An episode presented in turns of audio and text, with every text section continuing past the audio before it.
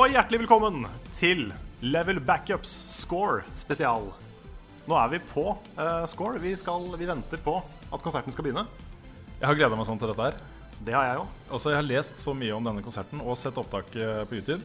Uh, første gang jeg får sett den. Så, så dette blir en stor kveld for meg. altså. Mm. Jeg var på Play for mange år siden, men Score har jeg aldri vært på. Jeg har ikke sett eller hørt noe særlig fra Score heller, så jeg er veldig veldig spent på hva som kommer.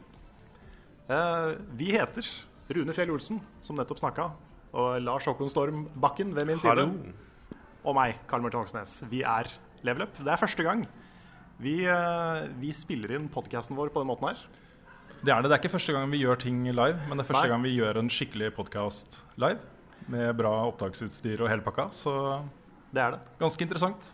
Ja. Det I er, hvert fall med publikum. Ja, det er uvant å ha et publikum. Vi er er, vant med at ikke vi ser publikummet vårt. Ja. Det er litt mindre skummelt å ikke se dem, men, Ja. eh, men det, er, eh, det er koselig også. Det blir veldig hyggelig. Jeg tror vi skal begynne med å introdusere et par eh, gjester. Fordi eh, vi har jo fått heldig, vært så heldige å få Oi. Ja, få Der gikk det en alarm. Var Dette det er så over ekte det allerede? Det er, dette er superhett. Det er ikke brannalarmen? Ja. Nei, det var, en døralarm. kan hende det bare var en veldig sint fugl. ja. Vet ikke. Kanskje. Men jeg lurer på om vi kan introdusere gjestene våre opp, på, opp til oss her. Det, det kan vi gjøre. Det. Skal jeg stige ned så lenge?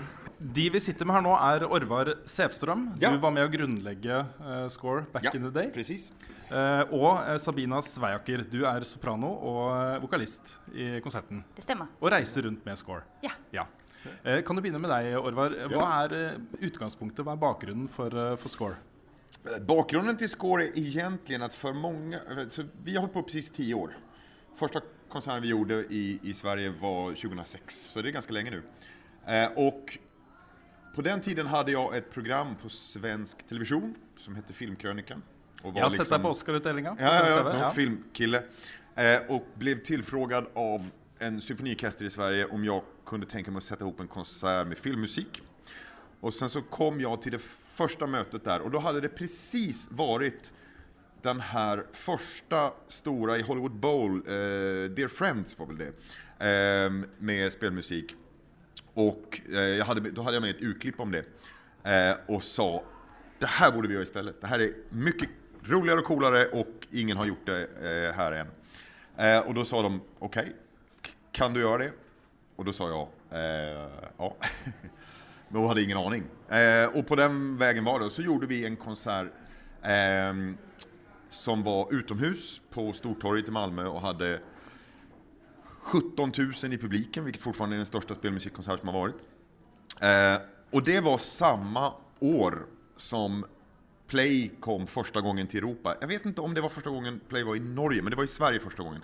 Så det var liksom två spelkonserter. Först var det ingenting, ingenting, ingenting och sen var det två konserter samma sommar. Och det tyckte ju folk var helt tokigt. Man kände ju sådär att, att wow, någon gång skulle man vilja se en konsert med spelmusik. Och så kom det två samma sommar. Ehm, men det som hände då, då, det var ju liksom att vi, jag och min kollega Magnus som gjorde den här konserten, ehm, vi kände ju det här måste vi göra fler gånger. Och i princip alla orkestrar i Sverige sa väl, liksom, vad fan var det som hände precis? Liksom? Var, var, varför var det utsålt på Filharmonikerna och varför var det 17 000 här och vad är det här för musik som vi aldrig hört talas om? Eller så. Så då började vi göra fler konserter och, och på den vägen är det kan man väl säga. Och ska man säga då utgångspunkten i Score är att Ja, dels att folk som gillar spelmusik ska få lyssna på spelmusik. Eh, vi är ju alla med och betalar symfoniorkestrar med skattepengar så att en gång om året kan man väl få höra sin egen musik här tycker jag. Eh, men också att visa att spelmusiken kan stå på egna ben. Och det är väl, det är väl liksom det som vi från början har varit. Just att inte göra det till jippo, inte rökmaskin, folk utklädda till Master Chief, skärmar, den grejen. Utan att säga att om vi ska spela den här musiken, då ska den vara bra nog för att kunna spelas precis som annan klassisk musik och så. Eh, och det har ju funkat. Jag menar, vi har ju, jag vet inte hur många konserter vi har gjort vid det här laget, men 150 kanske, något sånt där, 200. Så att eh, det har gått bra. Vi gör 19 produktioner bara i år. Det här är den sista för i år. 19 produktioner i fyra länder och har tre olika sådana här produktioner bara i januari efter lite ledigt här nu. Så att det, till det rullar på. Og Hvordan ble du involvert i, i Score? Jag blev involverad 2013 va? Ja, precis. Det är tre år sedan. Mm, till, eh, det, konserten hette Joysticks 5.0 tror jag med Malmö symfoniorkester. Vi, hade, precis, vi använde ett annat namn bara med den orkestern av lite praktiska skäl. Men, Ja, och eh, jag blev tillfrågad av eh, Magnus, Ovas kollega, om de hade tänkt att de skulle ha en sopransolist och så fick jag chansen. Hvis man, hvis man spør Google, så er det jo Score du kanskje er mest kjent for. Ja. Eh, Ja, det videoene fra, fra det svenske symfoniorkestret som, som spiller eh, med deg. Ja. er jo sett utrolig mye på YouTube. Og jeg ser også det er egne Reddit-tråder og masse masse om deg og den musikken på, Mm. på nett. Hvordan tre, føles det? tre millioner hit, har du. Ikke sant? Det er bra. Hvordan føles det? Ja, men Kjemperolig, så klart. ja, men det, det her har jo vært en... eh, Det har varit ett jätteroligt projekt och samarbete från första stund. Det är också därför som det håller i, antar jag. Det är så otroligt ehm, varierande. Man får sjunga i liksom genreöverskridande som aldrig förr. Jag är klassiskt skolad i grunden och trodde ikke inte att jag skulle få möta sådana här orkestrar med spelmusik. Jag trodde jag skulle sjunga Mozart och annat. Men så blev det inte. Det blir Jeremy Soule istället. Ja, och det är inte så illa det det. heller. Det är inte så illa det. Hva er det du liker best å synge av spillmusikk? Av, på kveldens program så tycker jeg best om, faktisk, det låter det som att jag fjäskar, men eh, Knut... Vad heter- Avenstrup Haugen. Haugens, Age of Conan. Age of Conan. Den är eh, jädrigt altså. alltså. Så bra. Dragonborn er kul også. Hvordan går dere frem for å velge musikken som skal være med i Score? Um, musiken måste egentligen komma först jämt. Ehm, det är klart att namnen på, som står på typ affischen gör ju att ni som är här har köpt en biljett. Man säger åh, jag gillar Halo, då vill jag gå och se konserten. Eller jag gillar Assassin's Creed, då ska jag köpa det här. Men om man fyller en konsert med grejer bara för att spelen är populära och skiter i hur musiken låter, då kommer ingen nästa gång, för då var det inget bra. Utan man måste tänka musikaliskt. Och det är också, alltså om folk ska sitta i två timmar och lyssna på en konsert så måste det vara, måste vara varierat. Det kan inte vara 100% epic fläsk i, i, i två timmar. Det blir bara tråkigt till slut. Det blir liksom det här utmattningssyndromet. Så att man jämför då musiken till exempel från Journey och The Last of Us och, och eh, med Assassin's Creed så är det väldigt olika musik och det händer väldigt mycket saker. Så det är ju en grej.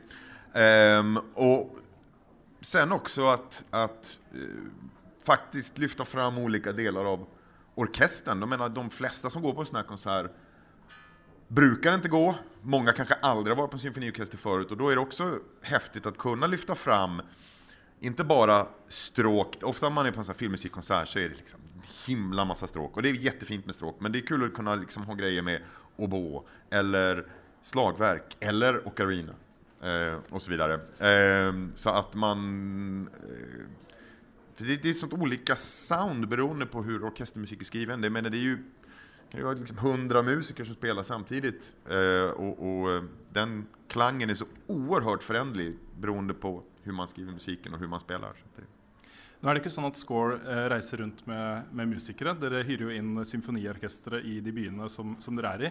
Eh, og da er jeg litt spent på hvordan dere blir tatt imot av orkestrene. Er det, er det, er det mye nysgjerrighet og interesse for, eh, for det dere kommer med materiale? Jag säger så här, eh, först och främst som jag säger att det är ju eh, orkestern som hyr in oss, eh, inte vi, utan vi har ett, ett produktionspaket kan man säga som en, en etablerad orkester köper in.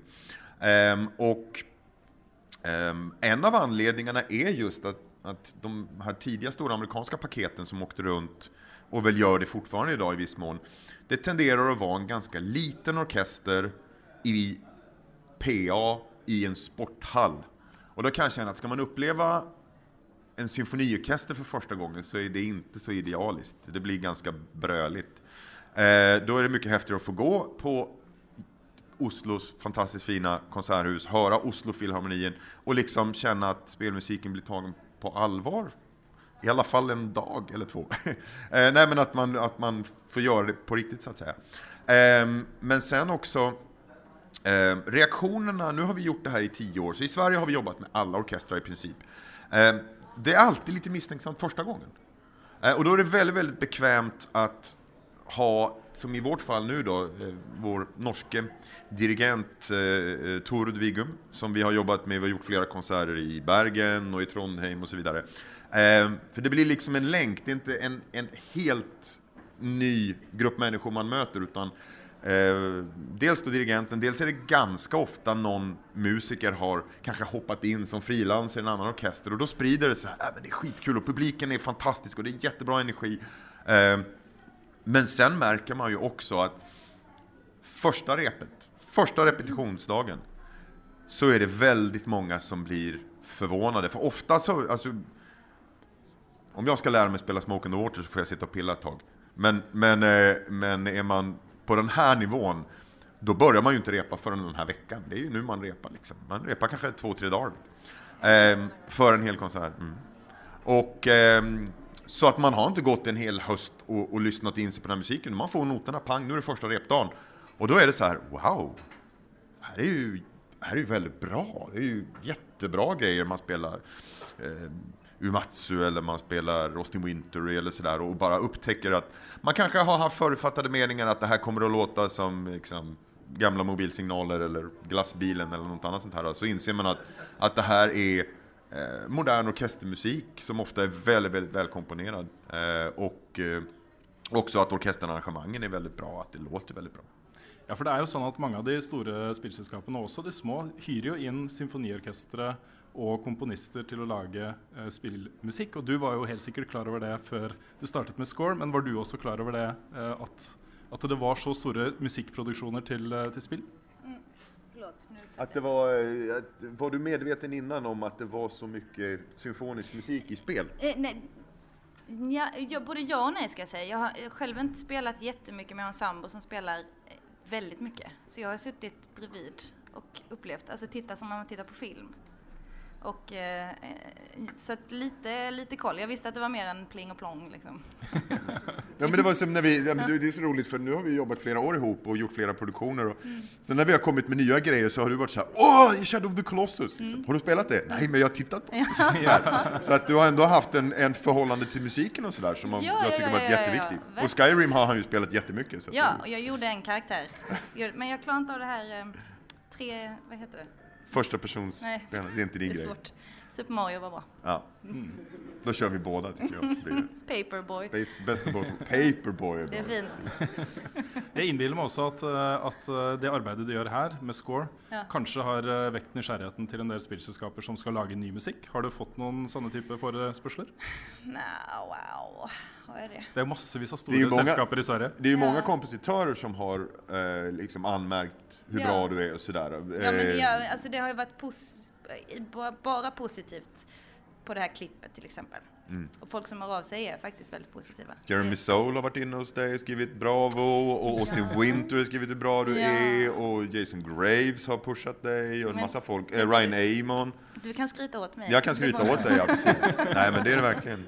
Jag har så här tweets, eller jag har eh, så sms ifrån från Jason Graves mamma som skriver She sings like an angel. det tycker jag är jätte, jättefint. Nei, vi gleder oss i hvert fall veldig til å høre konserten mm. i kveld. Og tusen hjertelig takk for at dere kom innom oss uh, før dere skal på scenen. Så lykke til. Break a leg. Takk så hemskt mye. Eh, det skal jeg ikke gjøre, for det gjorde jeg i våras. Da okay. gikk jeg på krykker i fyra måneder. Så att, eh, men eh, takk så hemskt mye for at vi var her, og kul at ni sender herfra også. Det er eh, vår glede. Da skal vi få en, eh, en erstatter på, tilbake. Lars, Lars kommer få plass igjen på bordet sammen med oss. Lars returnerer yeah. fra andre siden av bordet. Ja, ja det, var, eh, det var to spennende gjester fra Score. Veldig spennende gjester, og det var jo morsomt, fordi de skulle være her fra 1815 til 1830. Nå er klokken 18.30. Ja, punktlig. Det er nesten helt utrolig. Um, Vi har ikke så mye tid før eh, konkurransen. konkurransen. Konserten heter det. Konserten heter det. det. Der fikk jeg sånn fin brainfart eh, på scenen. Ja. Vi kan klippe det bort ja. i post, uh, Karl. Det kan vi gjøre. Det er det som er så fint med å være live. Um, men vi, eh, vi, har ikke så mye tid, så vi må kjøre videre i programmet. Mm. Ja, vi, jeg, jeg, foreslår at vi snakker litt mer om uh, score. Fordi okay. uh, vi har jo fått inn en del spørsmål uh, på forhånd om vårt arbeid her. Det vi skal gjøre her. Mm. Skal vi se om jeg får, uh, finner opp noe bra her. Uh, vi har et fra Johan Martin Seland, uh, som spør Hvilket soundtrack har hatt størst innflytelse på deres helhetsinntrykk av et spill? Da ikke nødvendigvis soundtracket som frittstående verk, men snarere musikkens flyt med den totale spillopplevelsen. Oi, Det er et veldig godt spørsmål. det er det. Og det er jo litt sånn, Her, her spiller du mye verker, også låter, kjente låter fra store spill. Eh, det han spør om, er jo på en måte det, men også mer lydbilde, ikke sant?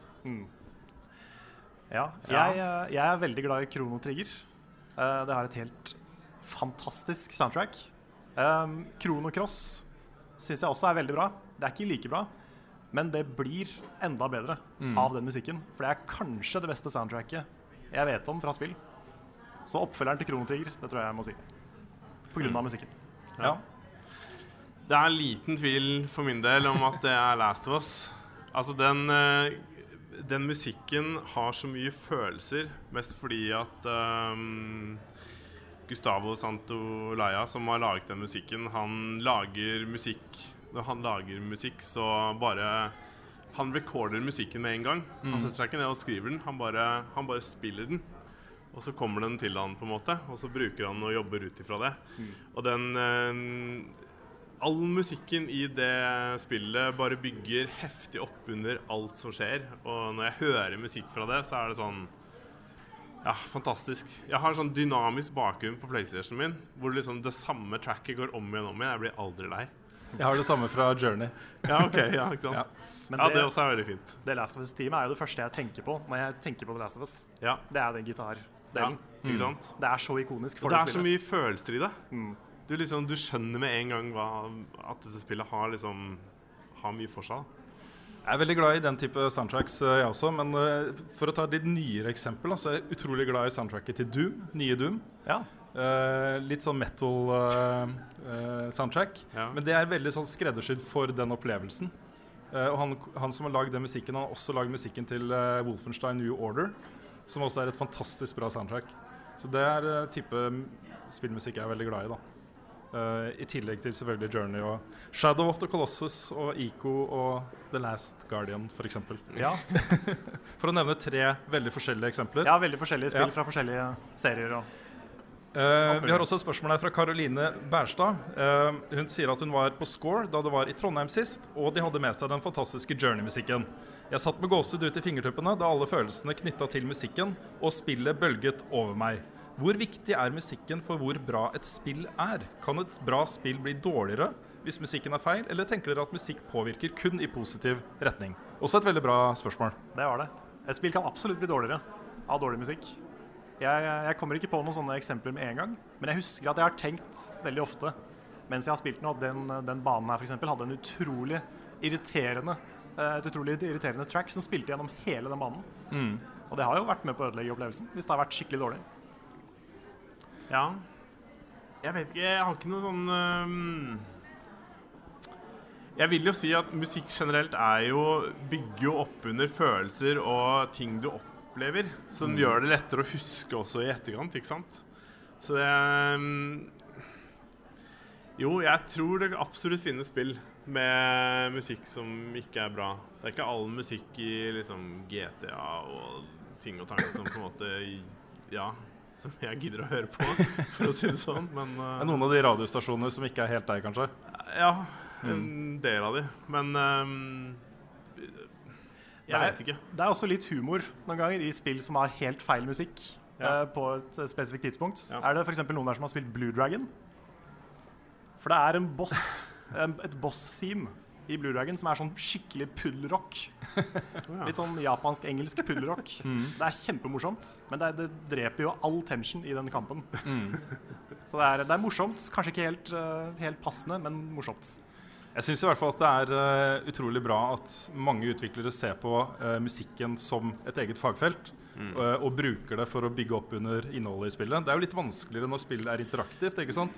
Man vet jo aldri helt hva spillerne gjør. Nei. Men når det brukes som, som en støtte til en, en scene, så er det ofte veldig effektivt. Og jeg er veldig glad i spill som bruker musikk veldig bevisst til det. F.eks. i uh, første Sly Cooper-spillet så er det en boss som heter Miss Ruby. eh, som er et rytme, det er en rytme-puzzle-sekvens. da hvor musikken er litt sånn New Orleans-inspirert. Eh, og det Den sekvensen Jeg husker ikke så mye av resten av spillet, men den sekvensen sitter så sterkt i meg, altså. Det er utrolig bra. Så har du jo The DK Rap fra Donkey Kong 64. Kan du ikke synge litt av den, Carl? Jeg tror jeg skal vente med å synge litt av den. Kanskje vi får høre litt inn på score etterpå. Det, Jeg tror ikke den her er tror du ikke det? Nei, det finnes jo masse spill som har, eh, som har blitt flinke til å lage, um, lage god design på musikk. Hvor du på en måte Ta Firewatch, for eksempel, eller Destiny. Så er det sånn det går liksom en viss type musikk, og så skjer det et moment i en fight eller uh, en hendelse, og så skifter det over til en helt annen takt eller en helt annen type, type tema. Mm. Så gjør jo det noe med deg. Når du liksom plukker opp sverdet i Destiny for eksempel, og skal ta Crota, det er noe av det Det er et fett uh, team, altså. Det, da da, føler jeg meg powerful. ikke sant? Det er, sånne ting gjør jo at det blir, det blir bedre. Fordi Mm. musikk det girer deg jo litt opp. ikke sant? Ja. Så ja. Vi kommer tilbake til flere spørsmål eh, etter hvert. Vi har ikke så veldig mye tid på oss. Eh, Folk skal jo finne plassene sine etter hvert også. Men vi skal jo kjøre en litt vanlig podkast også. Så vi skal vi. tenkte å snakke litt om de vanlige tingene vi pleier å snakke om. ja. Ja, Begynner vi da med hva vi har spilt i det siste? Vi kan ta en liten runde på det. Jeg tror du er ganske gira på å snakke om hva du har spilt. Jeg har jo spilt Da flere går ting. de 25 minuttene. Ja, greit. Eh, vi, kan, uh, vi kan jo se hvor mange som har lyst til å faktisk gå på konserten, og hvor mange som har lyst til å bli igjen her og høre meg snakke om The Last Guardian i to timer. Ja. Men jeg har da spilt The Last Guardian. Det er jo et godt eksempel på også et spill som er utrolig flink til å bruke musikk på de riktige stedene. Veldig mye av The Last Guardian er jo helt stille. Også det er bare ambient-lyder fra miljøet eh, og fra eh, det store dyret og fra gutten. Det er det du hører veldig store deler av spillet. Men så brytes det opp da på riktige tidspunkter med utrolig bra musikk. Eh, og det er en helt fantastisk måte å bruke musikk på. Og Fumito Ueda er jo en mester i å lage spill som bader litt i den derre eh, st- stilleperiodene. Også negative space. Det er mye stillhet, det er mye rolige partier. Mye som prøver å få deg til å liksom synke inn i denne verden. Da. Eh, og han tar seg god tid. Så, men det er jo helt utrolig. Det ble annonsa i 2007. Utviklinga starta rundt rett etter at Shadow of the Colossus eh, kom ut, så sånn rundt 2005. Så vi snakker om 10-11 år med utvikling. Eh, det skulle komme til PS3. Eh, trodde, alle trodde det var kansellert. Uh, så ble det flytta til PS4, og nå er det faktisk ute. Jeg er jo så hypa på det. Dere er ikke fullt Jo, altså, Dere ser litt sånn skeptiske på det. nei, Hva er, jeg, hva er jeg, vært, jeg har vært hyped i mange år, men uh, Hvilket spill var det igjen, sa du? ja, hva, The, la- The, Lars The, The Lars Guardian. Ja. Nei, um, jeg har hatt den samme følelsen om Final Fantasy 15, som ble, jeg tror, annonsert samme året. Ja, det er helt sant. Og kommer også ut samme året. Det kommer også Ni ut år etterpå. Ja, ja, ikke sant? Det er jo helt vilt. Men jeg, jeg skjønner veldig godt den følelsen. Og jeg har også vært utrolig spent på The Last Guardian. Ja. Men uh, den hypen har jeg ikke klart å holde da, i så mange år. Så jeg gleder meg til å spille det. Men det er sånn, jeg må ikke kaste meg over det med en gang. Men jeg har en følelse at jeg kommer til å digge det. Jeg var veldig redd for å starte spillet. Jeg syns det var en utrolig skummel følelse å sitte der, og nå er det endelig her. Eh, og jeg var jeg, var nesten sikker på at det ikke var noe bra. jeg, jeg trodde at ikke det kom til å være noe bra. Og faktisk ganske stor, store deler av spillet så frykter jeg at ikke det var noe særlig bra, fordi det er en del tekniske problemer med det spillet. Og når jeg snakker om det, så tror folk at det er uspillbart. Det er det ikke. Også det er absolutt spillbart hele veien. Men det er en del sånne barnesykdommer som man kanskje kjente igjen fra tidlig 3D, med litt dårlige kameravinkler og litt dårlig respons på kontrollen og, og sånne ting. Så man tenker at dette kunne vært teknisk bedre. Det er som om du snakker om Final Fantasy 15. Det er det verste. Okay. Det er liksom akkurat samme situasjon. ja nettopp. Men uh, spillet er likevel dritbra. Ja. Men så blir det da en kjempediskusjon. Er, hvor mye betyr det uh, for, eh, for meg som spiller, og for andre som spillere? Noen vil jo være veldig opptatt av det og mene at det trekker voldsomt ned, og at det blir uspillbart. Eh, jeg er mer av oppfatningen av at hvis de bra tingene i spillet er amazing, fantastiske, så, så klarer jeg liksom ikke helt å henge meg opp i det. da. Nei. Det er jo litt sånn at ingen spill er perfekte. Nei, og Hvis vi tar mange av våre favorittspill eh, Veldig få av de er perfekte. Mm. Bioshock Infinite Forferdelig. Jeg, jeg liker ikke slåssinga i det spillet, f.eks. Og det er en ganske stor del av spillet. Veldig glad i spillet allikevel. Ja, jeg prata med Lars om Lovborn i stad. Det er jo et, eh, vi mener et fantastisk spill. Vi er jo ganske, eh, men det har jo store framerate-problemer f.eks. et par steder. Men det, Ja. det blir liksom bare bagatell når resten av spillet er så amazing. Da. Ja, altså Hvis, hvis eh, teknikken eller mekanikkene står i veien for opplevelsen din, sånn at det ødelegger fullstendig og tar deg vekk fra den opplevelsen du har, så kan det jo være et veldig stort problem. Men hvis det er liksom snakk om små hiccups som jeg på en måte kan komme meg over, så har jeg ikke så mye problem med det. Det, det handler jo også litt om hvordan vi anmelder spill, føler jeg. Ja. Vi anmelder jo spill som opplevelser. Ikke Ja, og som, følelser. Som, ja, ikke, Ja. Som, ikke som en TV med Specs og Nei, sånne ting. Nei, man tar ikke liksom grafikk 7 av 10. Ja. eh, Er Final Fantasy, be 6 Final Fantasy 15 bedre enn den nyeste ruteren til Jensen? Ikke sant? Det vet man ikke. Nei, man vet ikke det. Det er vanskelig å si. Men er det noen av dere som har spilt uh, The Last Garden ennå? Som hører på her? Det mye Er det ute?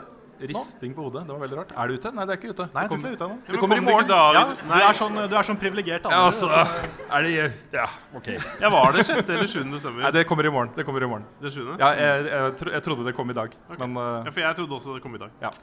Uh, men dere har fått med dere dyret. Hvor fantastisk det er, også hvor unikt det er. Hvor uh, utrolig mye følelser som ligger i det dyret. Det er helt fantastisk. Og det spillet starter med en sånn sekvens hvor du ser sånne gamle plansjer fra da de katalogiserte dyr for mange år siden. Som man har sett liksom i, i eh, lærebøker og sånne ting.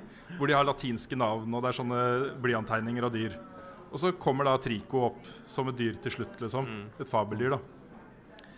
Og det er Den har så mye personlighet, og den treffer liksom så utrolig godt.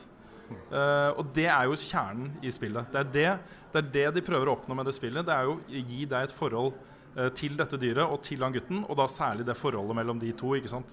Og når det er kjernen, og det er gjort helt fantastisk, så blir det spillet for meg, altså. Um, greit. Vi skal snakke mer om uh, The Last Guardian uh, i neste ukes podkast, tenkte vi. Ja, det skal vi. Da skal jeg få du har spilt jo, også. sant? for du har jo spilt Final Fantasy 15. Det har jeg. Vi kan jo snakke litt om det også, kanskje. Vi kan det. Jeg har jo snakka litt om det fra før i forrige ukes podcast. Men eh, jeg syns det som Det jeg henger meg mest opp i da, i det spillet, det er den dynamikken mellom de fire dudesa. For dere som ikke vet det, så er jo Final Fantasy 15 et spill om fire utrolig pene menn i en bil.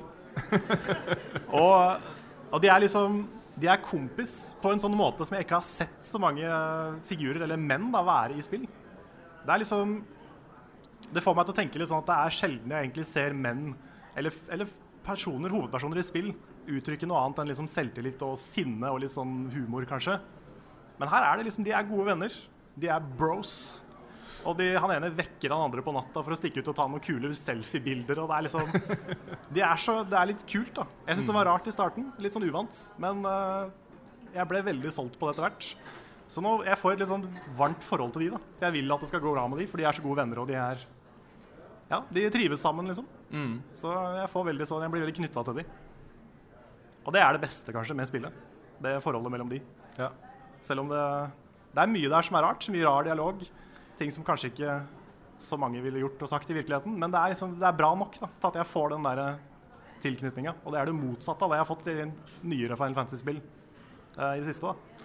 Så som eh, Lightning var liksom en figur som så kul ut, men jeg fikk aldri en sånn personlig tilknytning, for hun var så kald.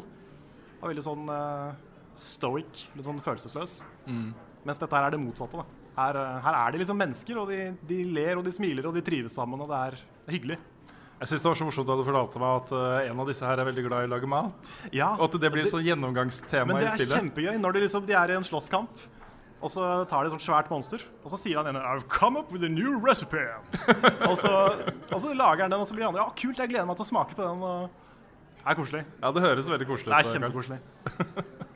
Ja, dette er liksom gutta på tur, Det er gutta på tur. rett og slett. En veldig sånn litt sånn boyband gutta på tur. Ja. Så det er, det er kjempegøy. Jeg sitter og smiler når jeg spiller det. ja. Har du spilt noe gøy? Uh, Eh, ja, jeg har jo egentlig det. Jeg har, eh, men jeg har ikke spilt noe nytt spill, da. Jeg har spilt uh, Firewatch med commentary edition på. Ok. Og det er eh, rett og slett at du spiller Firewatch som vanlig, men eh, i den verden så er det en god del sånne bokser, så du kan plukke opp en kansett, og så får du sånn lydbånd som er liksom tatt opp fra um, utviklerne og i det hele tatt, da. Så det har vært uh, en utrolig kul opplevelse, for det er liten tvil om at uh, dette er uh, et av de mest fantastiske spillene i år, for min del i hvert fall. Så um, ja. Det er jo innmari kult da at eh, spillåret 2016 så sitter vi igjen nå nærme oss slutten. Mm. Uh, og opptil flere av de beste spillene i år. Sånn helt som en uavhengig vurdering av hele spillåret satt liksom blockbuster opp mot uh, småspill, så er jo flere av de er jo indiespill. Ja. Du har jo The Witness, Inside, Firewatch, Owlboy. Mange av de er utrolig bra, altså. Ja. Kjempegøy. Det er det. Og musikken i Firewatch også er eh, helt fantastisk. Der er det um, De bruker musikken ikke i overdreven grad, for veldig ofte så går det jo rundt, og så er det ikke noe musikk. Men så er det ofte Musikken er der når det trigger en hendelse, eller det skjer noe spesielt, eller eh, Ja.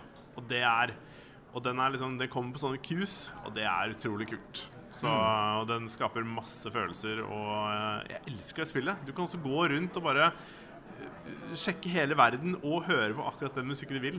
Så det har jeg også gjort, da. Så det, ja. Kult. Mm.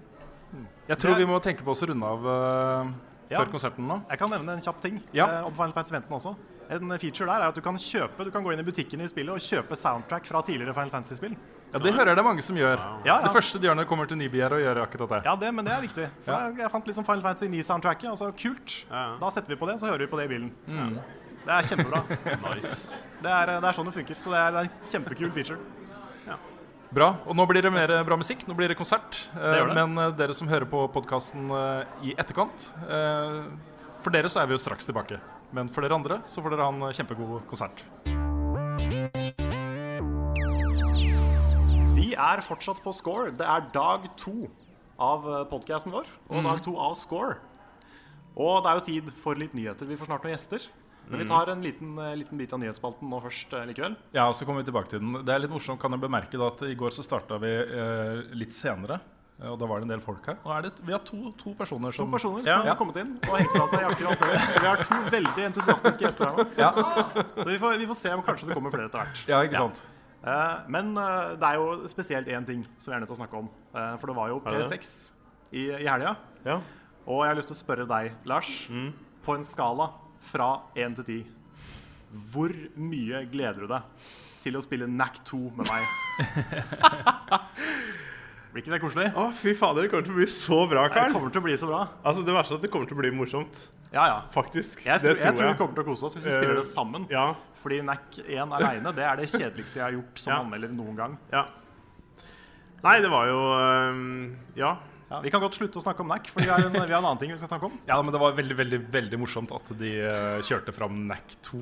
Det hadde ingen sett Nei, komme. Tenk ingen at hadde klart klarte å overraske oss på den måten. Og ingen ville vel egentlig ha det, tenker jeg. Nei, det er sant. spesielt. Men det er, hvis, det, hvis det finnes håp for NAC 2, så finnes det vel håp for hva som helst. Ja. Da kan alt få en oppfølger. Mm, det er helt sant. Yeah. Men uh, vi har fått et spørsmål her som går litt mer til sakens kjerne, tror jeg. Ok? Det er fra Stian uh, Slorby. Hva synes dere om traileren til The Last of Us Part 2? Og hva tror eller håper dere historien vil handle om? Det ble da vist fram en trailer ikke sant, som var en sånn perfekt announcement-trailer. Masse sånne små hint, og så kommer den der Firefly-logoen. Ja. Ikke sant? Og så å, folk går sånn bananas, og så hører du stemmen til Ellie, og så Ikke sant? Det var veldig bra lagt opp, den traileren. Så sinnssykt òg. Det var um... Jeg kjenner jeg får litt gåsehud bare av å snakke om den. Ja, altså jeg, jeg Fra de viste de første bildene hvor det var litt sånn tett skog, så tenkte jeg bare sånn her Jeg har hørt rykter om at det skal være Last of Us 2. Det er sånn, Jeg kan håpe at det er det. Og så kommer liksom den første bilen, og så ble jeg bare sånn her Shit, dette er Last er of Us sånn 2. litt sånn postapokalyptisk. ja. ja. Men jeg, er jeg tenkte kanskje Days Gone veldig lenge. Ja, du gjorde det? Ja, fordi det var, det var jo Naughty Dog først, med Uncharted Ja. DLC. Så var det Naughty Dog på en måte igjen, med Ja. Crash Bandicut uh, remastered. Så jeg forventa liksom ikke å se Naughty Dog for tredje gang. Ja, men det var litt for fargerikt. Det Ja, var litt, okay. jeg, jeg hadde Jeg var sånn Jeg fikk sånn her Etter liksom Når jeg så bilen, så er jeg sånn Da var jeg 99,9 sikker. Og så gikk det bare liksom to-tre frames til, og så var det sånn logoen der. Og da Jeg var det det bare- Naughty Dog. Alle bare Alle Altså, gikk bananas. Jeg satt og så det live på iPhonen min, og jeg Oi, nå går lyset her. Det har vært Um, uh, her. jeg bare eksploderte i hyl og skrik. Mm. Um, Skulle helt likt å være hjemme da. hos deg eh, der, altså. Ja. Jeg var ikke hjemme, da. Jeg var hos bestemor. Men bestemor var borte, heldigvis. Så Vi skulle streama bare for å få med den reaksjonen din. ja, altså, det var eh, Det var så gavepakke. Det er um, For å snakke om resten av traileren, så er det sånn når du ser henne sitte der og begynne å spille på um, gitaren Og en gang hun begynner å synge, og du skjønner at det er Ellie, så er det bare sånn det, Frysninger går kaldt nedover ryggen, og Frysningene går kaldt Ja, nedover det var veldig bra sagt, jeg vet, men sånn er det. I motsetning til andre frysninger som er ganske varme. Ja. ja. har du ikke det? Det er hender ganske får sånne varme ja. mm. Svette frysninger. Um, uansett Jeg blir så hva skal jeg si, gira av å snakke om det. Jeg vet ikke hvordan jeg skal putte ordene mine. Men det er um, Ja. Men den Når hun synger, og du hører den derre skjelvenheten og råheten i måten hun synger på Det er så bra. Mm. Og så kommer Joel, og så er det bare Det er jul, ass. Ja. Uh, for å si det mildt. Jeg hadde Ja. ikke trodd at Joel skulle dukke opp når, når vi først så Ellie. Tenkte eh, de, jeg tenkte at de kom til å holde det som et mysterium. Mm. At liksom, Kanskje Joel er med, kanskje han ikke er med. Mm. Men eh, så kom jo han òg. Ja, det var helt sinnssykt. Jeg har gått og nynna på den sangen siden Kan, du- kan du nynne litt på den nå også? Jeg har ikke så veldig lyst. det er er veldig for glad i mange mennesker folk her. Nå er det om mange. Ja, ja, ja, mennesker her, så det er hyggelig. Ja. Um, ja, nei. Helst ikke nynne. Nei. Men um, vi kan snakke litt mer da, kanskje om det. Fordi etter at uh, P6 var over, så var det sånn ettersnakk. Ja, jeg lurer på om vi skal spare, spare det, for nå ser Ja. vi har fått, uh, fått gjestene våre.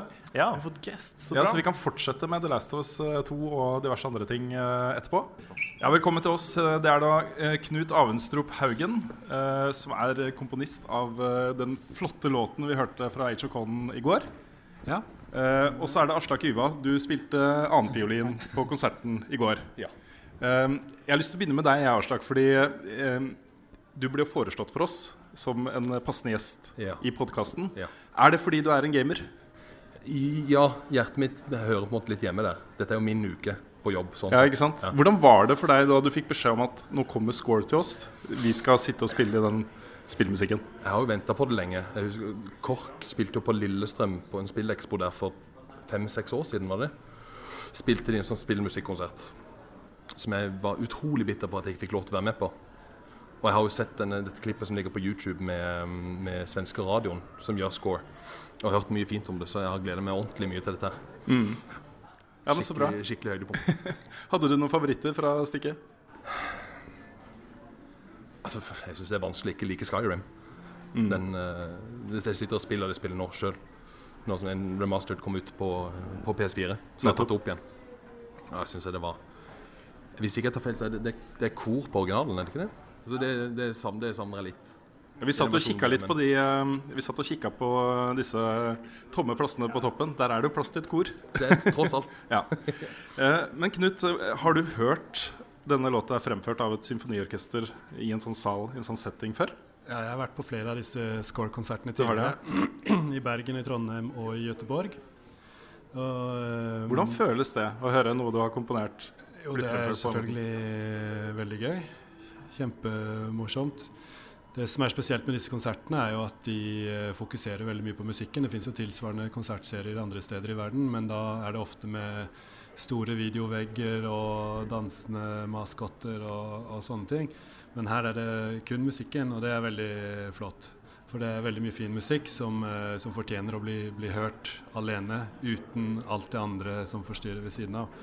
Så det er veldig morsomt å bli eh, tatt med i en sånn sammenheng. Så eh, Score har jo faktisk fremført seks eller sju forskjellige av mine stykker tidligere.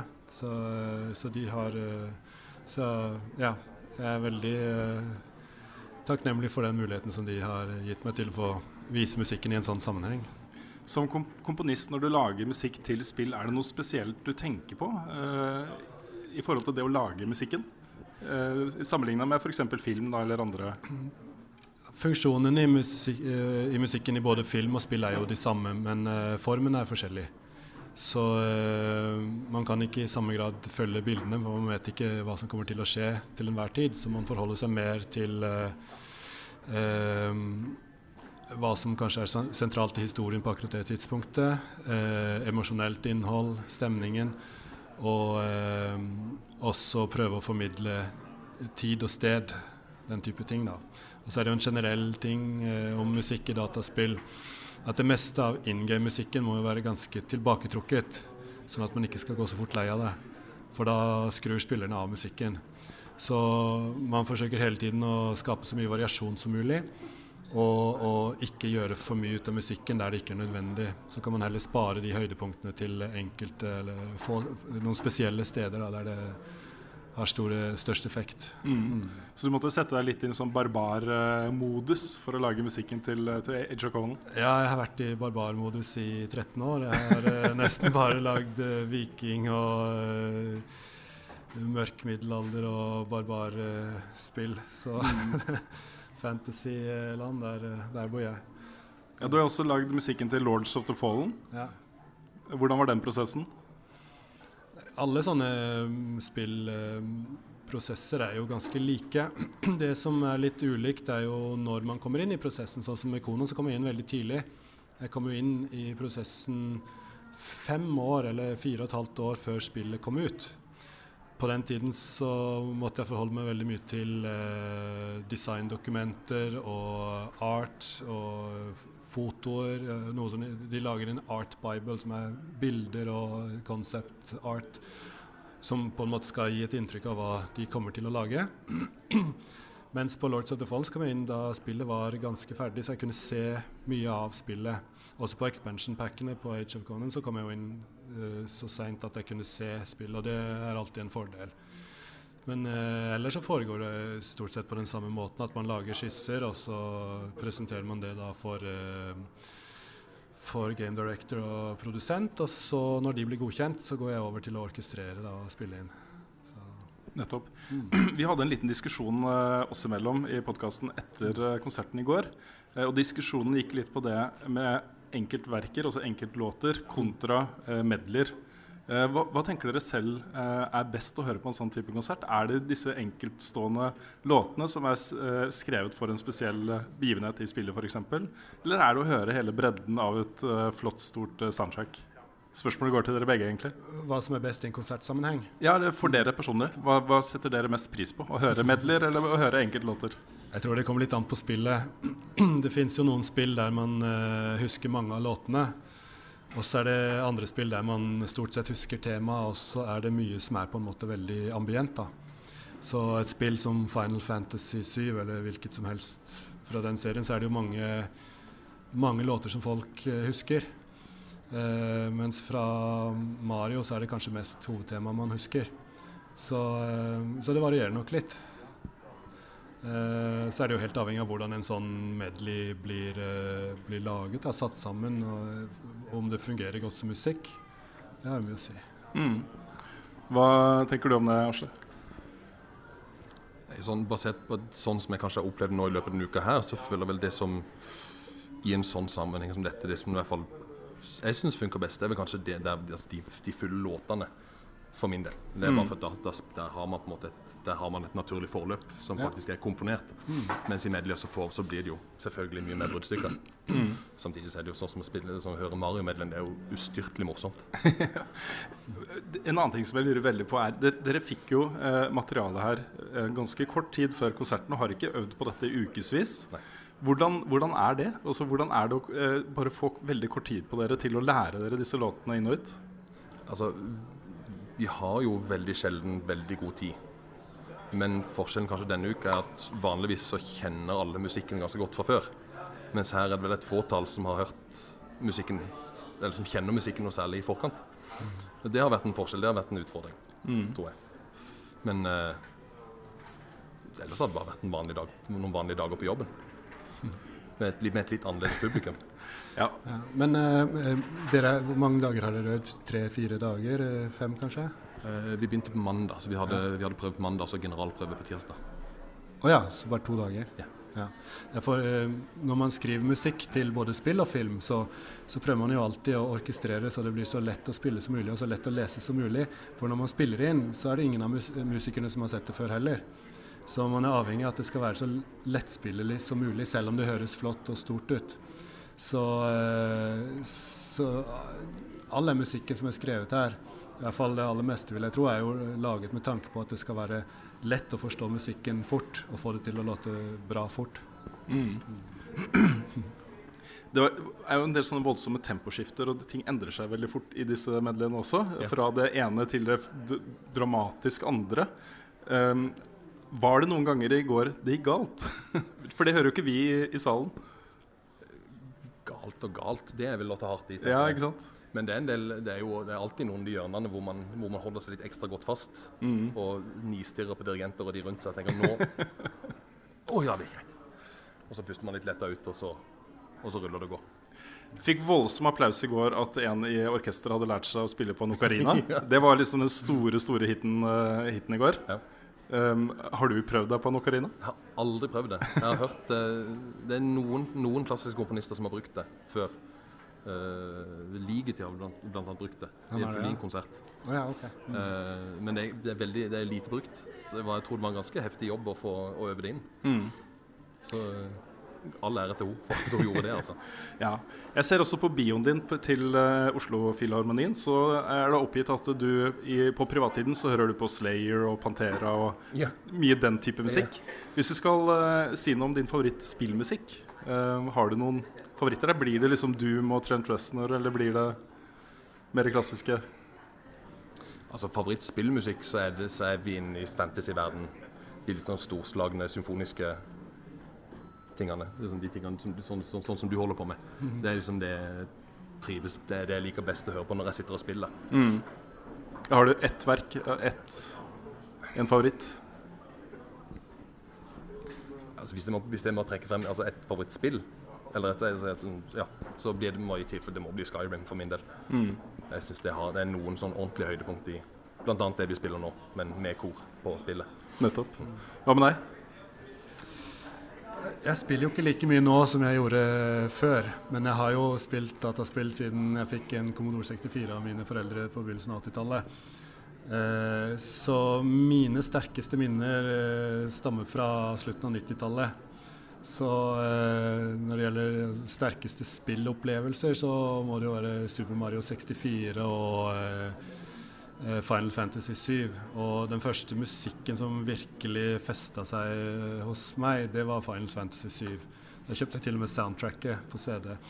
Så, eh, men det, det har noe med at man bruker så mye tid på det, og man knytter seg så, så til og blir, går så dypt inn, inn i det når man holder på med det, at det, det, bare å høre musikken skaper eh, veldig sterke minner og assosiasjoner. Det tror jeg også er mye av grunnen til at eh, det kommer mange på disse konsertene. og at mange, altså De som er interessert i spillmusikk, de er mye mer interessert i det enn eh, fans av filmmusikk er interessert i filmmusikk. De er, de, de er mye mer eh, Det betyr mye mer for de enn eh, vanlige musikkfans. Ja, og så er det jo sånn at Når man hører den musikken eh, på denne konserten, så transporteres man jo inn i spillet. Man får jo bilder i Ja, hodet, man får det, følelsene veller opp igjen. ikke sant? Mm. Det. Ja, men Det er kjempebra. Eh, vi gleder oss til konserten i dag også. Du skal få lov til å gå og forberede deg. Og du skal jo være vanlig tilskuer i dag, så jeg håper du også koser deg. Jeg gleder meg veldig. Takk for at dere kom innom podkasten vår. Så kan Lars få lov til å komme tilbake også. Yes. For nå skal vi jo snakke mer om eh, det vi snakket om før vi fikk gjester, og det var The Last of Us. The Last of Us Skulle Part til å 2. si NAC 2, ja. Ja, det er The Last of Us Part 2, Part, part 2 faktisk. Part 2, Part 2. Det stemmer. Det, det har vi ikke snakket om. Hva syns vi om at det heter Part 2, og ikke bare The Last of Us 2? Jeg, jeg, for meg så signaliserer det at det kan komme en Part 3 okay. og en Part 4. Ja, ok. Um, jeg vet Ja. ikke. Ja. For meg så tenker jeg bare at det er en Det betyr at det er en fortsettelse i samme univers. Ja, det At det er en viderefortelling av et eller annet. Det betyr ikke nødvendigvis at det er nummer to. Watch Dogs 2, ny by, ny karakter. Altså, ikke skjønner du? Jeg er enig. Det, det signaliserer litt at dette er fortsettelsen på Joel og Ellie sin Ja. historie. Det er andre del av det vi fikk oppleve Ja. i Last of Us 1. Det er ikke et nytt kapittel nødvendigvis, men det er en fortsettelse på noe gammelt. Så det er en, det er en smart, det er en smart tittel. Altså Hver gang noen har spurt oss, og det er jo mange som har spurt oss opp gjennom uh, årene, uh, om vi ønsker oss en oppfølger av The Last of Us, så har vi jo vært litt sånn skeptiske, fordi alle elsker slutten på The Last of Us. Vi syns den er perfekt. Og jeg syns det var interessant å følge litt med på diskusjonene om part 2 etter at det ble annonsert også, hvor det kommer tydelig fram også at Naughty Dog har uh, følt det samme. At de, de forlot liksom Ellie og Joel på et sånn veldig perfekt sted. Da. Og hvordan drar man det da videre? Føler vi at de, at de er på riktig vei der? Jeg føler at etter Uncharted 4 Hvis de klarer å gjøre en firer til det som jeg mener er det beste spillet i serien, Mm. så klarer de å lage The Last of Us 2. Det, det føler jeg. ass. Ja. De, jeg har såpass tro på de nå at jeg tror de får det til. Ja, og så var det jo den ettersnakken eh, etter spillet, så sier de også det, det du sier, at de har følt veldig på om nettopp det om de skal fortsette med det. De hadde også problemer med å se for seg en oppfølger uten disse hovedkarakterene. Og de har også sagt at de har brukt veldig lang tid på å finne den rette historien. Og de bekrefta jo også at vi kommer til å spille som Ellie. Så mm, jeg jeg har alltid ønsket meg mer fra det universet her. Selv om jeg er helt enig, slutten på den forrige er perfekt. Jeg trenger ikke noe mer forklaring der. Det kan heller være en pause på noen år, og så får vi ikke vite noe der, men vi får heller vite um, kanskje en ny ting som oppstår. da. Ja, ja, den nye tingen som kan oppstå, det går jo nå spekulasjoner i at eh, Joel, eh, som vi ser i traileren, eh, Ja. bare er i Ellis hode. Ja. At han Jeg blir, jeg blir litt skuffa nå hvis det viser seg å være sant, fordi internett fant ut det på fem minutter. Ja. Så ja, det ja, håper jeg ikke føler. Da har de spoila det veldig tidlig, på en måte. Mm. Men jeg vet ikke. Hvem vet. Nei, jeg aner ikke. Det kan jo være tilfellet. Det kan jo også være, vel, være veldig bevisst valg de har tatt for å på en måte I traileren, da. De har brukt to år på å lage den traileren. Den der, det vi så nå. De har ikke sittet i to De år og lagd det! Vi ja, de har ikke- ja, de har spilt inn for et år siden. De har starta å lage traileren for to år Ja, det kan, det kan tenkes. Det kan tenkes. Og de har, de har liksom- jobbet i to år med Ja, trailer. det var det de sa, da. Ja, okay, men uh, jeg skal ikke si nødvendigvis noe mer enn det. Men ehm, de har liksom De har nok brukt mye tid Ja. på å gjøre denne her riktig. Så ja. Og så er det sånn at eh, The Last of Us 1 starter jo ganske dramatisk. Mm. Um, jeg er litt sånn stressa på at de skal ta liksom det samme grepet. Hvis det da stemmer at Joel er død, så, ja er så tar de livet av andre Ja, ikke sant? Ja. Ja. Kan hende. Nei, Det er bare fortsatt en teori, da, så vi vet Ja. jo ikke. Men det vi vet er jo at Naughty Dog er jo mestere på å fortelle veldig sånn gripende eh, historier. Mm. Hvor man kn- tyt- hva heter det? knytter seg veldig tett. ja. Tetter seg veldig knytt til uh, de forskjellige rollefigurene. Ja. Ja. De er jo de er mestere på sånn cinematiske spill, Ja, uh, basically. det er det. Spill som er veldig nære filmer, samtidig som de har en del sånne interaktive ting da, som gjør at du kanskje blir litt mer knytta til det. Jeg vet ikke. Mm. Nei, jeg vet ikke. Jeg, jeg har så trua på at dette blir bra. Det er, det er alt jeg har å si. Jeg ehm, Ja. Er det noen som klarer det, så er det disse her. Ja da, jeg er ikke uenig i det. Ja. De viste også fram en, eh, en standalone til eh, Uncharted. Um, med litt andre rollefigurer og sånne ting. Ja. Syns Du det så bra ut? Ja, herregud. eh, det er så kult at man skal spille som Chloé. Ja. Ehm, I hvert fall ser det sånn ut. Så ehm, jeg syns det er kult. Hva, den, ja, hva det kommer til å handle om, det forsto jeg ikke helt. Hva de egentlig skal gjøre her. Men, um, eller hva Chloé er jo en tyv, tyv, men, også en ehm, mestertyv. Ja. Um, det så ut til å bli en litt sånn all female cast. Mm. Med liksom kvinnelige uh, Ja. actionhelter. ja. Vi satt, uh, jeg satt jo hos en kompis og så på dette her. Og vi satt jo og gjetta hvilket spill det kom til å være. Og vi tenkte jo uh, Hva het det der Tomb Raider? Det Shadow of the Tomb Raider. Oh, ja. Det skal jo komme. Så vi var sikre på at det var det. Mm. Men så viste det seg at det var Uncharted. da. Ja. Så spennende. Ja, de er flinke til, liksom, til å maskere hva, hvilket spill det egentlig er. Før du liksom plutselig bare Oh shit, det er Chloé. Yes. Og hun er kanskje en av de kuleste karakterene fra Uncharted-serien eh, også. Av, de- altså av de Hva skal man kalle det? Birollene, Bi liksom. Mm. Mm. Ja, det var vel i uh, Uncharted 2 eller Ja. var det, som det var litt sånn eh, Ja. trekantdrama mellom eh, Chloé og Ja Elena og Nathan. det var uh, morsomt, det. Um, ja. Vi vet jo utfallet av det. Det ble ikke Chloé. Nei, det gjorde ikke det. Ja. Vi har også fått et eh, spørsmål Det ble vist fram flere ting på P6. Vi har fått et spørsmål fra Kristoffer Lien. Mm. Eh, og det er eh, hva, hva var våre favoritthøydepunkter i helgas P6? Og The Last of Us er selvfølgelig på toppen hos uh, Det må jo bli det. Ja. Men uh, jeg vil også trekke fram det blir vist fram et spill som heter Nex Makina. Som er det neste spillet til uh, det finske selskapet House Marquee. Eh, og det er jo de som lagde Resogun. Som Ja. jo var en launch-tittel til PS4, og kanskje mitt favorittspill til eh, lansering av PS4. En sånn top down shooter eh, Mm. som så utrolig kult ut. Ja. Det hadde veldig kul eh, grafisk eh, stil. Litt sånn uh, tekno-stil, holdt jeg på å si, hvis det går an å kalle det det. Mm. Um, ja. Ja, det er jeg enig i. Det var, eh, så, så, så ble jo eh, Marvel vs. Capcom Infinite, var det ikke det det het? Jeg vet også- ikke. ja jeg husker ikke. Det, altså Slåssespillet, Ja. liksom. Litt sånn egen Smash Bros-ting. Ja, det er jo en, det er jo en fighting-spillserie som er Ja. veldig kjent og veldig sånn e-sport-basert. da Ja, altså det ble jo det. veldig godt tatt imot, da. Mm. Uh, det kan jo bli fett. Jeg, ikke, jeg er ikke så gira på Marvel og Capcom holdt jeg på å si sjøl. Så jeg veit ikke helt om jeg er der. Men uh. Nei.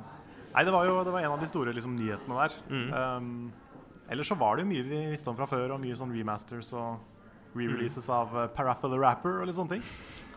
Så Wipeout kommer tilbake. Wipeout Ja. kommer tilbake, ikke Ja. minst. Ja.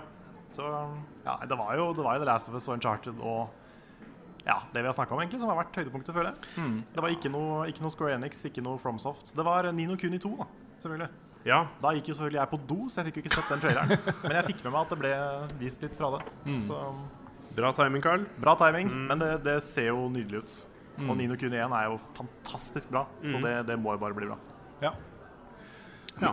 Det har skjedd flere ting også i spillenes verden i uka som har gått. Um, I går så eh, kom jeg til skade for å stille spørsmål til de som hørte på om det var noen som hadde spilt The Last Guardian ennå. Og jeg var litt sånn Ingen hender oppe og Sånn det viser seg at det var jo da det kom ut. Er det noen som har spilt det nå?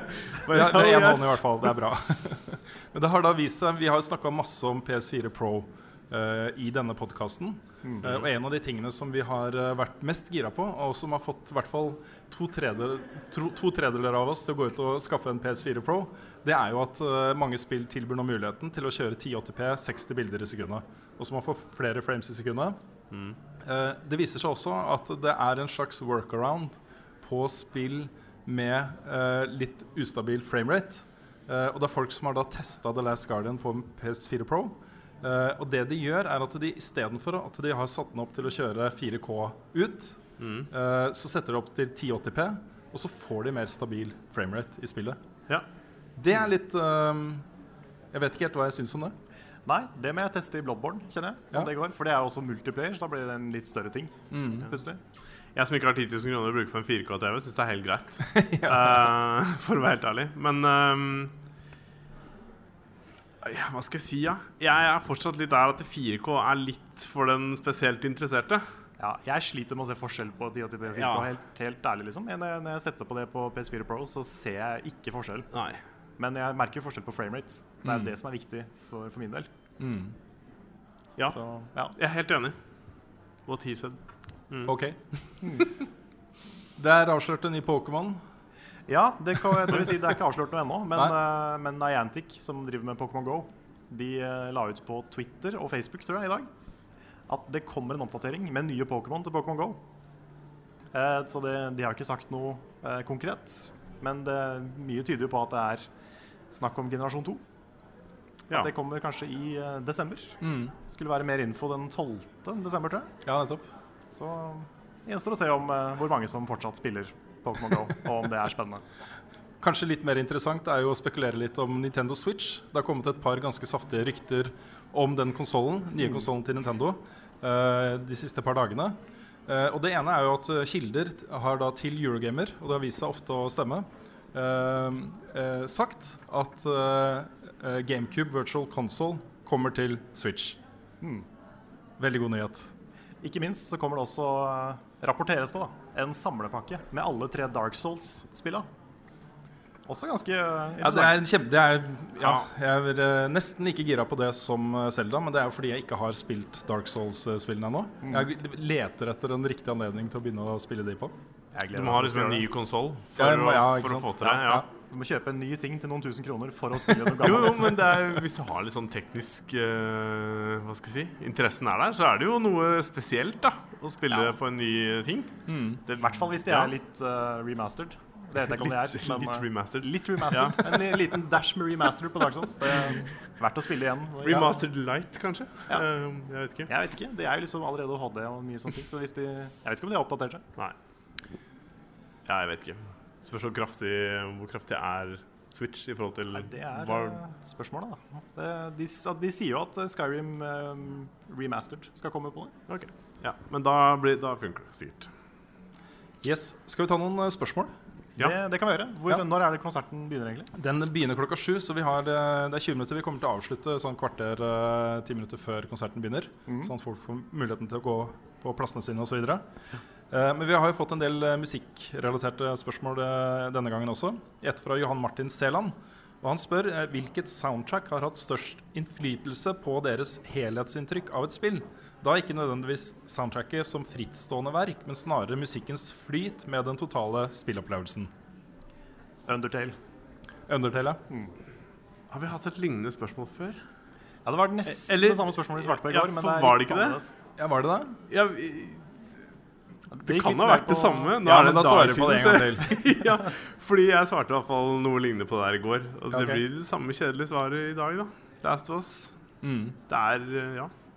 Ja, jeg har jo kommet på, på en, et annet spill uh, i døgnet som har gått. Mm. Uh, og det er eh, litt interessant, for det var et litt over middels eh, spill. Det var et ganske bra spill som het Freedom Fighters, uh, som kom for mange år siden. Eh, det var ikke noe sånn voldsomt spesielt med det, egentlig. Det hadde en del kule ko, sånn eh, squad-mekanikker. Mm. Men soundtracket av Jesper Kid var helt fantastisk, og jeg tok meg selv i Ja. å sitte og spille det helt igjennom fordi jeg var så glad i musikken. Ja. Og så det som kom på alle de riktige tidspunktene, og som var der hele tiden. Mm. Så eh, det var en ganske sterk musikalsk opplevelse. Kult. Det finnes jo masse andre spill man kunne nevne noe i tillegg. Da. Det er ikke liksom, det er bare Det er det, og så er det ingen andre. Liksom Det er bare når Journey- du spilte med musikk. ja, alt han skrudde av musikken. Ja. Ja. Nei. Firewatch. Firewatch.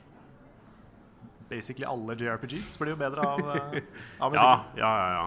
Og altså eh, Jeg må trekke fram Destiny litt også. For gud bedre, i hvert fall i den siste eh, DLC-en som kom. Der er det mye bra musikk. Jeg skal ikke si noe, jeg. Nei, greit. Rune spiller ikke Destiny lenger. Jeg spiller ikke Destiny lenger. aldri hørt Destiny. Jeg har ikke spilt Destiny på en uke, så da kan jeg si at jeg spiller ikke Destiny lenger. Nei. Ja. Du, du, må huske på at, huske på at hver gang du legger det fra deg, så har du jo slutta. Ikke sant? Ja, jeg har slutta. Ja. Jeg slutta. Eh, hvem var det som sa det? At eh, det, det er den letteste tingen her i verden er å slutte å røyke. Det har jeg gjort hundrevis av ganger. Ja, ikke sant? Ja, det var bare, ja. Mm. Eh, vi har fått et spørsmål her fra uh, Trond Sinfor Borgersen. Ja, vi Ja. hadde kjørt Ukens Sinfor, men jeg vet ikke om jeg tør med det anlegget her. Nei, du kan, uh, Nei, du det- kan synge den. Nei, vi, det, du, det er tredje gangen du ber noen å synge i, i podcasten. Ja, det- det er greit. Da spillindustrien er blitt så stor og spillene er viktigere enn noensinne, så vil musikk ha en stor betydning på totalinntrykket. Hvilke filmkomponister som ikke har laget musikk til spill enda, ønsker dere at skal det i fremtiden? Nå har vi virkelig testa vår lyst- kunnskap ja, nå, om Jeg har ja. lyst til å si et navn, men jeg vet ikke om uh, Jeg er usikker på hvorvidt han har laget noe til eller ikke. Men det er han som har laget musikken til eh, Transformers. Steve eh, Jablonski OK? heter han. Ja. Han lager mye kul musikk. Og så har han, så, han har også veldig stor variasjon eh, i type musikk han lager, da. Har dere sett den eh, fantastiske nye traileren til den nye Transformers-filmen ennå? Nei, Nei. det er ikke sant. Er det verdt å se, eller? Nei, det er, det er veldig morsomt. Det er veldig okay. morsomt. Ja, Morsomt fordi det er dårlig, eller fordi ja det det, er det ser veldig harry ut. Ja, ok, Det gjør det. Altså, Spennende. ja. ja, det kommer en ny Transformers. Det er liksom sånn Hvilken er det? Seks? De går Fem? tilbake i tid da, til liksom eh, King Arthur og Ja, okay. Ridderen De av det rønne bord. Og Wow. Så er de plutselig lagt ut i verdensrommet, og så Så det er Transformers i, liksom, i middelalderen? Ja, man skal snakke om hele liksom, der kampen mellom eh, The Machine and The Flesh gjennom alle, år, ikke sant, alle årtusener. Ja. Det er kjempegøy. Kanskje det blir liksom han derre um, Den derre skrekkfilmen med han som er på i hytta i skogen. Han Det som er ender opp med Hæ? Det er mange skrekkfilmer. Han som ender opp med å kutte av seg armen og sånn. Evil Eller Dead. hånda. Ja, er det det? Ja, veldig. Han blir jo dratt tilbake til middelalderen og må fighte Ja, en I haug med 3D-filmen dauinger og- Evil Dead eh, 3. Ja, ok. Ja. Aha. Det er veldig kult. Det er sånn surrealistisk film som bare er Det er jo ikke skrekk, det er bare humor. Ja, det, det Ja. første er skrekk, men så blir det mer og mer humor. Ja. Det er humor også da, i første. Ja. Uh. Ennio Morricone. Tenk dere om Ennio Morricone blir annonsa som soundtrack-skaperen til uh, eh, Red Dead Redemption 2. da. Å, herregud, det hadde vært perfekt, da. Ja, det, jeg er enig. Ja, jeg kan jo ikke så mange filmkomponistnavn. Nei. Men det kan jo være veldig kjedelig å bare si Hans Zimmer, fordi han lager alltid awesome musikk. Han har sikkert lagd musikk til spillet òg. Det kan godt hende han har ja, gjort det. det. kan tenkes. Hva med John Williams, da? Ja, han tror jeg kanskje lagde til Medal of Honor. Jeg er ikke helt sikker. Ja, jeg tror også han har vært borti noen spill. Ja. Så har han vel vært Musikken hans har vel vært på spill. Ja da. Jurassic Park uh, så, Selv om det ikke ble laget til spillet, så har det vel vært der. Jeg vet ikke. Ja. Mm. Vis Ja. tels. ja. Vi kan godt Jeg si det tels. Ja. Innafor. Og mens vi er litt inne på det, så har vi fått et annet spørsmål fra Andreas Herigstad. Herikstad. Ehm, han spør uh, at uh, Tror alle som følger regelmessig på Level Up, har skjønt hva slags sjangere dere foretrekker i spill? Gjenspeiler dette seg også i hva slags filmer dere liker? Har dere noen foretrukne sjangre? Oi. Nei. Jeg kan se mye forskjellig av film, altså. Jeg, jeg liker jo veldig godt fantasy. Bedre enn sci-fi, egentlig. Men eh, ja, alt eh, krim syns jeg er veldig ålreit. I hvert fall krimserier. Litt sånn mysterieserier og filmer. Eh, jeg er en av de få som syns Lost var bra i alle sesongene. Fordi jeg er så glad i den mysteriegreia. Ja. Og ingen er enig med meg, men uh... Jo, jeg er sånn nesten. Er du det? Ja, ja, fordi jeg også elska jo Lost, men jeg skjønte ikke en dritt på slutten. Jeg Nei, satt der og var jeg- han der som satt- bare Å ja. De skjøt langt over hodet mitt, liksom. Ja, jeg satt på forumer i sånn to timer etter hver episode Ja. bare for å lese meg opp på hva folk trodde skjedde. Ja. Men det er liksom derfor jeg er litt redd for å se på sånne TV-serier, for jeg føler at de liksom de, altså Jeg er for dum til å se på sånne ting. Ja, alle er for dumme til å se på. De, liksom det er derfor du må er. lese etterpå. Ja, ja. Så kan du late som du har skjønt det likevel. Ja, du må late Mm, som, ja. ja. Men Westworld òg er sånn. Ja, ja, det er faktisk litt sant. Det er, måte, det er et par ting der er bare mm, Jeg skjønner ikke hva som skjer nå. Men det, det har jeg forstått at det er flere som ikke gjør. Mm. Mange time, hva heter det. Mange små historier. ja.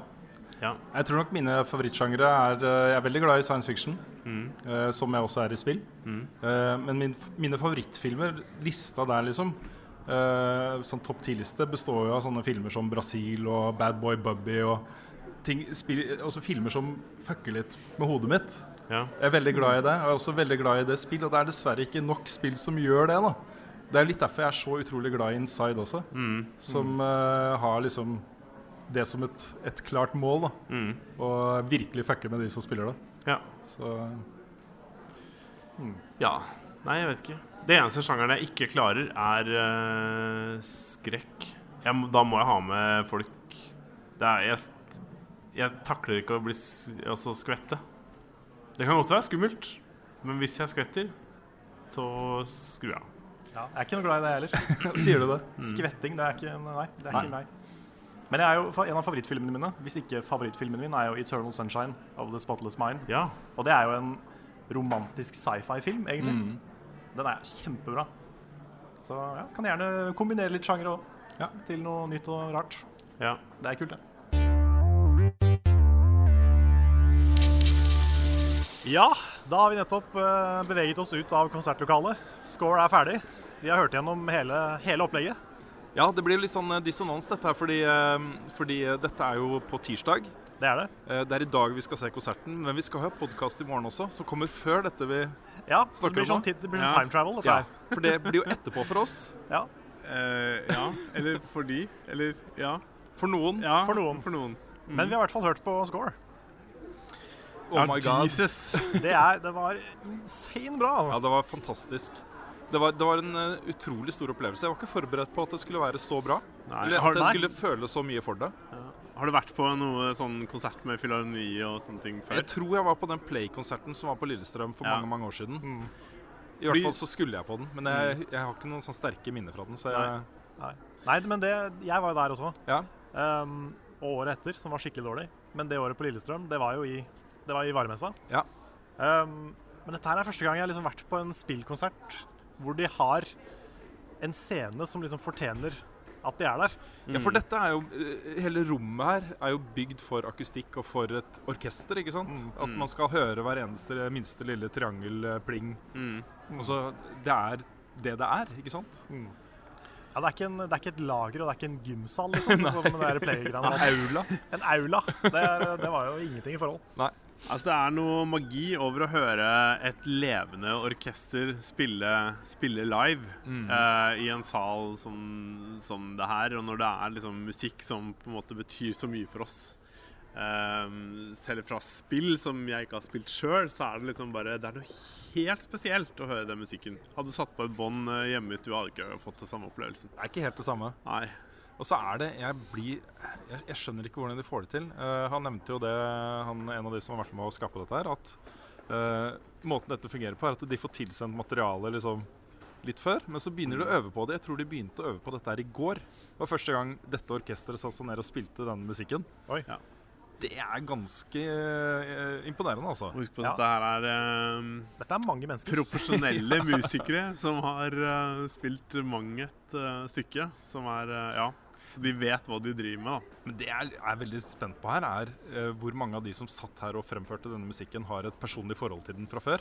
Ja, For det det er må jo dette ha vært større på enn for noen andre i salen. Ja, jeg Å få og- lov til å spille den musikken sammen Ja. med orkesteret ditt, liksom. Men det, det husker jeg veldig godt fra den første Play-konserten jeg var på. Ja. For da var det en, sånn, en, svært, en svær skjerm over orkesteret som Mm. filma de som spilte.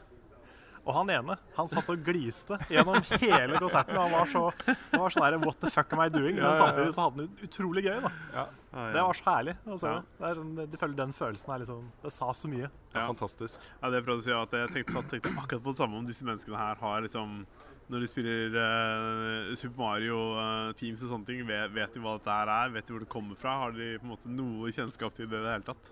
Det må uh, Ja. Det må, det må ha vært noe spesielt for den ene som har liksom gjort det. Og så så, hvor mange det er. og så så utrolig gøy hun da med den ene fløytisten som hadde lært seg å spille på en ocarina Ja. for anledningen. Ja, Det var kjempemorsomt. det Ja. Kjempekult. Det var da Selda, selvfølgelig. Mm. A Queen Ja. of Time, blant annet. Yep. Men Ja. altså, jeg vet ikke hva dere føler, altså, men jeg satt og tenkte at dette her er en konsert for meg. ja. Det kom liksom det ene etter det andre. Det var, eh, det var Final Fantasy 9. Og det er jo aldri Final Fantasy 9, Nei. så det var helt Det var kjempebra. Ja. Så satt jeg og tenkte liksom nå må Melodies of Life komme. Fordi dere spilte mye forskjellig, da. Mm. Fra cutscenes i spillet og sånn. Ja. Uh, men så kom til slutt den der uh, musikken når uh, Helt på slutten, når liksom prinsessa løper ned en trapp og mye greier. Mm. Den musikken er så fin! Ja. Og da klarte jeg ikke mer. Da begynte jeg å grine. Gjorde det? Ja, det var helt, helt amazing. Ja, du var ikke aleine om det. Jeg hadde falt uh, flere tårer under den konserten her. Det er uh, Det er mest fordi Ikke nødvendigvis uh, at det er så veldig trist, men det, det, er, det er noe spesielt å få en sånn opplevelse som det her. Det kommer så sterkt under huden. Mm. Det blir, så, det blir så personlig og intimt og nært, og det er veldig sånn Jeg føler så glede over at liksom det finnes eh, sånne, sånne ting som det her. Mm. Og det å jeg, jeg er aldri på sånne type konserter, og det, en sånn opplevelse er Dette her er sterkt, liksom. Ja. Det her er uh,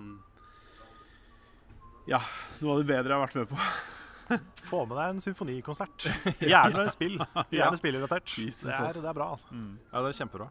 Og så er er jeg så glad for at uh, studioer tar seg råd og tid Mm. til å komponere musikk for orkesteret til spillene sine. Mm. Altså Noe av dette er jo kanskje ikke i utgangspunktet lagd for orkesteret. Jeg vet ikke helt.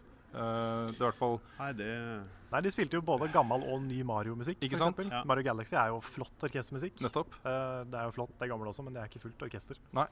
Men at noen tar seg tid til det. Og det er alltid noe som jeg uh, syns er så kult å se på på sånne bakom-filmer i utviklingen av spill. Mm. Hvor du ser komponisten sitte der med orkesteret og fremføre musikken som senere blir brukt i scener som, er, som sitter i deg ikke sant? etter Mm. å ha spilt uh, spillet. Da har du budsjett, da, hvis du har orkester, live orkestermusikk. Ja da, men alle, alle de store som Naughty Dog og alle de bruker jo uh, bruker Ja, det. ikke sant? det det. Og uh, flere av de største har jo inhouse komponister uh, og faste orkestre de bruker og sånne ting. Mm. Så uh, ja. mm. Ja, nei, Favoritter da fra kvelden? Jeg har jo nevnt en av de, Final Fantasy 9. Mm. Uh, men så helt til slutt så kommer de på scenen igjen, og så spiller de opera uh, operamusikken fra Final Fantasy 6. Ja. Mm. Og det er så bra. Ja, det var veldig bra. Det var, da begynte jeg nesten å grine igjen. ja. For det, den scenen er så så, så bra og så kjent og så Mm. ikonisk, liksom. Ja. Og musikken er så fin. Mm. Og så kommer hun eh, som vi intervjua i stad, til og med, og synger liksom den sangen. En nydelig stemme. Det Ja, er den helt, stemmen hennes var uh, fantastisk. ja, det var, det var kanskje, kanskje høydepunktet, det siste der. Mm. Ja. Det var uh, Ja, det var en bra bra. avslutning. mm. Det var en veldig riktig og fin avslutning. Ja. Jeg tror kanskje um, Jeg syns det var ekstra stas å høre Age of Con-musikken. Jeg har ikke noe spesielt forhold til Age of Con, men jeg syns låta var dritbra. Ja, jeg ble veldig obs på det nå med tanke på at hun uh, sa at det var eh, hennes Mm. favoritt å fremføre. Og Ja, var, men det er jo å flørte litt med norske medier, ikke sant? Ja, vi får eh, Kanskje. ja, kanskje. kanskje. ikke. Uansett, da, så var det, det var litt overraskende. Jeg hadde aldri hørt det før. Nei. Og det var, det var utrolig bra. Mm. Og Assassin's Creed Black Flag-musikken var også Ja. kanonbra. Veldig kult. Men apropos det, der må de gjøre noe med de der lappene eller den logoen sin. Altså. For det, altså den logoen til Score jeg må bare nevne, Det er, det, det er coveret på Assassin's Creed Black Ja. Flag med Score-logoen på. Ja, dette, Ja. er- dette er jo bare adgangs... Uh, også, Ja, men jeg har sett, jeg har sett det, det før. Det har jeg brukt før, De har brukt det på andre ting. Ja. Det er, de, de kan ikke gjøre det. Er det liksom plakaten deres? Ja, det, Du kan ikke bare ha Assassin's Creed-coveret som på en så fin konsert. Der må de ha noe nytt. altså. Ja, Bruke litt av pengene på en eh, designer eh, til neste gang, kanskje. Ja, Litt sånn spillrelatert, litt sånn fin uh, Mm. Ja. plakat. Ja. Det kanskje viser litt hvor de legger pengene og tiden sin. Da, i det som Ja, er viktig, det- ikke sant? det er det er sånn, det er sånn. Det er litt Ja. sånn uh, Per Marius, vi trenger en, vi trenger en sånn plakat til Ja, vi bruker Assassin's Creed. Du, jeg lurer på om, eh, om eh, vi er Ja. de siste som er igjen i konserthuset. Eh, det er ikke langt spørs. Så, så jeg lurer på om vi skal runde av, eh, runde av nå. Ja, Så ikke Ja. vi blir låst inne. Eh, men tusen uh, takk til alle som har uh, hørt på. Spesielt stor takk til alle som kom og hørte på oss i dag, eh, og som kommer og hører på oss i morgen. Det blir veldig sånn Back to the Future. Ja, det er veldig rart. Ja. The magic of editing. Ja. Mm. Mm. Ja, og hjertelig tusen takk til alle dere som back- backer oss på Patron. Vi har hilst på flere av dere i dag. Det har vi. Mm. Det har vært kjempehyggelig. Og takk for en bra kveld. Ja, det var kjempekveld. Definitivt. Så da, da avslutter vi med ukas spillsitat. I've come up with a new recipe.